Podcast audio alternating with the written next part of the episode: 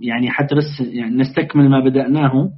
نحن قلنا بأن كوني مخلوق أو أعود إلى ما يعني قبل ذلك. نحن وصلنا إلى سؤال أنا كيف أتبصر بنفسي؟ وعندما أتبصر بنفسي هل يعني أقول ينبغي أن أعرف أولا آه، من هو عبد الرحمن ذاكر؟ آه، يعني كيف نشأ عبد الرحمن ذاكر؟ أو فلان أو فلان أي, أي, أي شخص يتكلم عن نفسه أو نفسها؟ قلنا هنالك قراءة عامة قبل أن ندخل إلى القراءة الخاصة أما القراءة العامة فهي أن أعرف بأنني مخلوق أو مخلوقة طب ثم ماذا؟ ترتب على معرفة كوني مخلوق أنني لست إلها أنني ينبغي أن أرفع سقف المعقولات وأخفض سقف التوقعات وهذا سيعين في أشياء كثيرة في أن يرفع مناعتي النفسية في أن لا يدخلني في إحباطات في أن لا يعلقني بأمور لا يستحق أن أتعلق بها تعلقا مرضيا. آه، وقلنا ما الفرق بين رفع سقف المعقولات وخفض سقف التوقعات والتوسط بين الخوف والرجاء وبين التشاؤم الذي يظن البعض أن مجرد توقع الأسوأ أو مجرد استعداد النفس لما هو أسوأ قد يعني آه، عند كثيرين بأن هذا معناه أنني سأكون متشائم أو متشائمة وسأكون نكد ضيق الصدر إلى آخره. طيب بعد أن أنهينا ذلك وطبعا وتكلمنا عن قضية الدنيا والآخرة وال... وتوقع الإنسان لهذه الدنيا وما... وما ينبني على هذا التوقع إلى آخره. بعد ذلك سنعود إلى هذه المنظومة. كوني مخلوق أو مخلوقة إذا أنا أحتاج أنا في ضعف في فقر في نقص. وكل واحدة من هذه المفردات لها ما يتعلق بها في الصحة النفسية. لأنني عندما أقول أنا أحتاج إذا هنالك حاجات. طيب ما هي هذه الحاجات؟ ما هي الضرورات؟ ما هي اللي فوق الضرورات؟ ما هي الأشياء التي ينبغي أن تكون حاضرة لدي؟ فإذا كانت موجودة حاضرة في ذهني فإذا كانت موجودة فأنا في نعم غامرة لأن الحاجات الضرورية موجودة وكل شيء فوق ذلك سيعد نعيم وسيعد يعني آه، آه، مما تفضل به المنعم علي بعد ذلك سنقول طيب ما دمت أحتاج إذا أنا أكيد في حالة نقص لأن الحاجة نقص ومعناها أنني مفتقر والنقص والفقر سيؤديان تلقائيا إلى الضعف. هذه المنظومة كاملة أنني محتاج أو محتاجة ضعيف أو ضعيفة فقير أو فقيرة ناقص أو ناقصة هذه من لوازم المخلوقية. ما الذي أعنيه بأنها من لوازم المخلوقية؟ يعني لا لا يصح أن أتصور نفسي مخلوقا أو مخلوقة إن لم أحتج إن لم أكن ضعيف أو يعني في ضعف أو في فقر أو في نقص لماذا أقول هذا الكلام؟ لأن معظم الإشكالات التي تواجه الناس هذه الأيام تنطلق من رفضهم غير المقصود للمخلوقية ولوازمها بمعنى أنا لا أحب أني أكون ضعيف. أنا لا أحب أني أحتاج لأحد. أنا لا أحب أني أشعر بهذا النقص. أنا أنا لازم أكون بيرفكت وهم الكمال. أنا لا أحب أن يتمنن علي أحد. أنا أريد زوجي كاملا. أنا أريد أولادي كاملين. أنا أريد زوجتي أن تكون كاملة. كل هذا ينطلق من سوء فهم هذه المنظومة. الحاجة الضعف الفقر النقص. كل واحدة من هذه إن شاء الله سنقف معها وقفات سريعة يعني في طبعا في اللقاءات القادمة وسيعنينا أن نخرج منها بفوائد وتطبيقات عملية آه، حتى تكون النفس أصح. وسيكون لهذا تطبيقات تربوية متعلقة بالزواج متعلقة بالتعامل مع الحياة اليومية مع السنن الكونية إلى آخره. أول ما سأتوقف معه اليوم هو الحاجة مفهوم الحاجة. الحاجة. ما هي الحاجة؟ النقص. الحاجة النقص. عندما أقول أنا أحتاج إذا أنا ينقصني شيء. إذا أنا ينقصني شيء. والحاجة آه، لابد أن نتوقف عند مسألة مهمة في مفردة الحاجة ومعناها.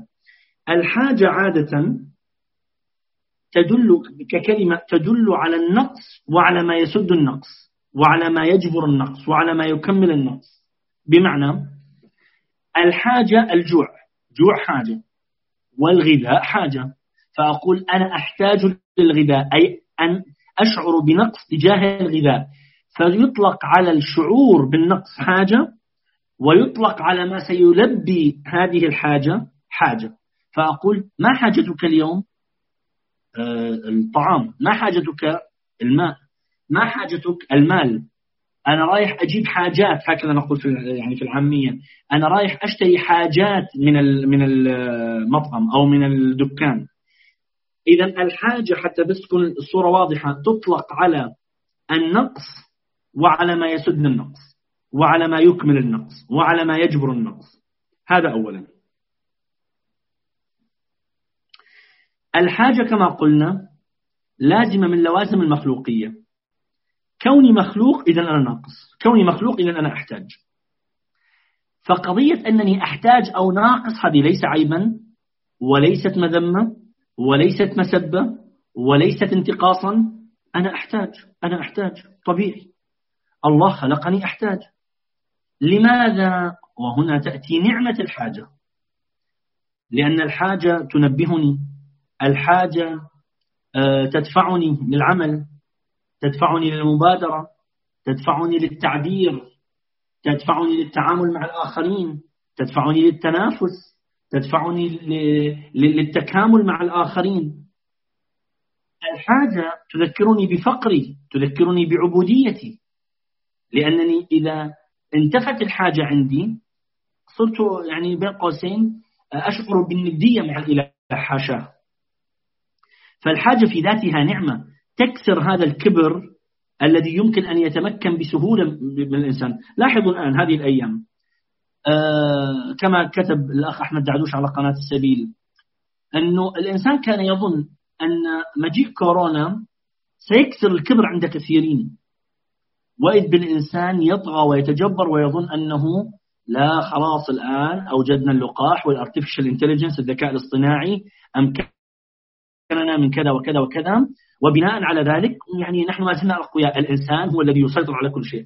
سبحان الله الآن آه بالمناسبة الأخ اللي كنا معه قبل قليل هو مسؤول آه في قسم في أمريكا في تخصص الإنفكشوس اللي هو الأمراض المعدية. فأول ما التقينا قلنا له ها هات يعني هاتي ما لديك أعطينا الأخبار. قال كان يضحك قال ما حدش فاهم حاجة. يعني الأمر الأمر مو مفهوم. فرحوا باللقاح وإذ الآن آه، تظهر آه، يعني آه، خلي أقول طفرة جديدة أو أو طائفة جديدة أو عينة جديدة من هذا الكورونا الكوفيد 20 طيب. فالحاجة في ذاتها نعمة لأنها تذكر الإنسان بالعبودية. وتدفعه للعمل لأنني لما لا لما لا يعني لما أشعر بالنقص أسعى للكمال. أسعى لتكميل هذا النقص أسعى لسد هذا النقص. وبالتالي آه، أمد يدي للآخرين الآخرين يمدون يدهم لي وهكذا. ما هي هذه الحاجات؟ الحاجات نقسمها إلى حاجات جسدية وحاجات روحية. الحاجات الجسدية آه، الغذاء الهواء بالترتيب الهواء الماء الطعام. آه، وعادة قد نختصرها بالهواء والغذاء. طبعا أريدكم وأنا أذكر الحاجات. كل شخص يسأل نفسه هل لدي هذه الحاجات؟ فأنا في نعمة غامرة أفضل من أكثر من 80% من الناس اللي حتى هذه الحاجات الأساسية أحيانا قد يعانون من آه، من عدم توفرها بسهولة. هنا يتوقف الأولاد ليسألوا أنفسهم هل أنا متوفر لي هذا الأمر؟ الأولاد والبنات قصدي الأبناء. آه، الزوجة تسأل نفسك هل أنا متوفر لي هذا الشيء؟ الزوج المواطن بين قوسين. حتى بعد ذلك نقول طيب ما بعد ذلك؟ هل يشغلنا إلى درجة أننا نسينا الحاجات الأساسية؟ الهواء الماء الطعام الغذاء. آه، التخلص من الفضلات. الدفء الشعور يعني عدم عدم آه، يعني عدم شعور الإنسان بالبرد القارس أو الحر الشديد الدفء باختصار التوازن والراحة.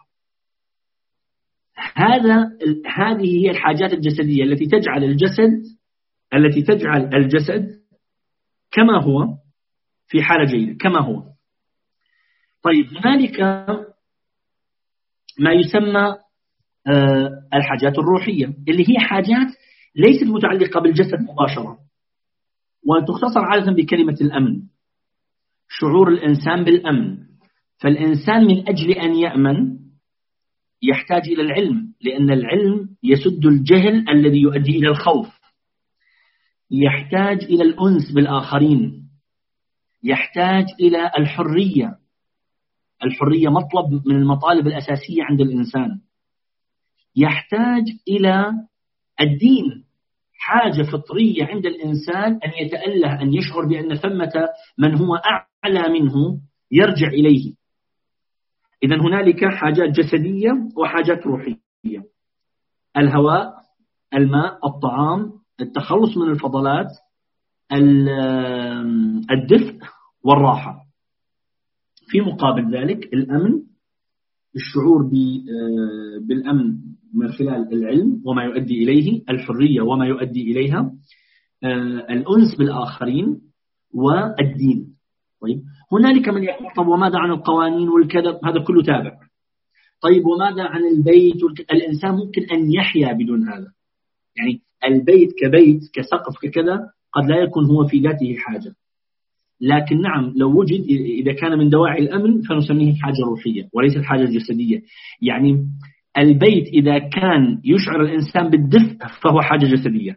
إذا كان يشعر الإنسان بالأمن من مخاوف من يعتدي عليه أو حيوانات أو كذا هذا يسمى حاجة روحية.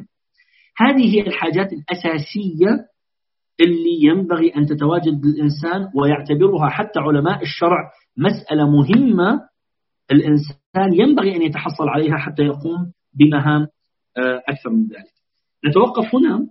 المرة القادمة سنتكلم طيب هذه الحاجات ماذا ينبني عليها؟ نقص هذه الحاجات ماذا ينبني عليه؟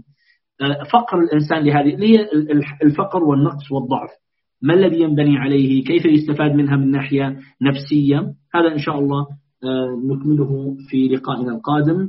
والله أعلى وأعلم والميكروفون معك يا مولانا. العفو فندم حضرتك مولانا وأستاذنا ودكتورنا. آه، جزاكم الله خيرا.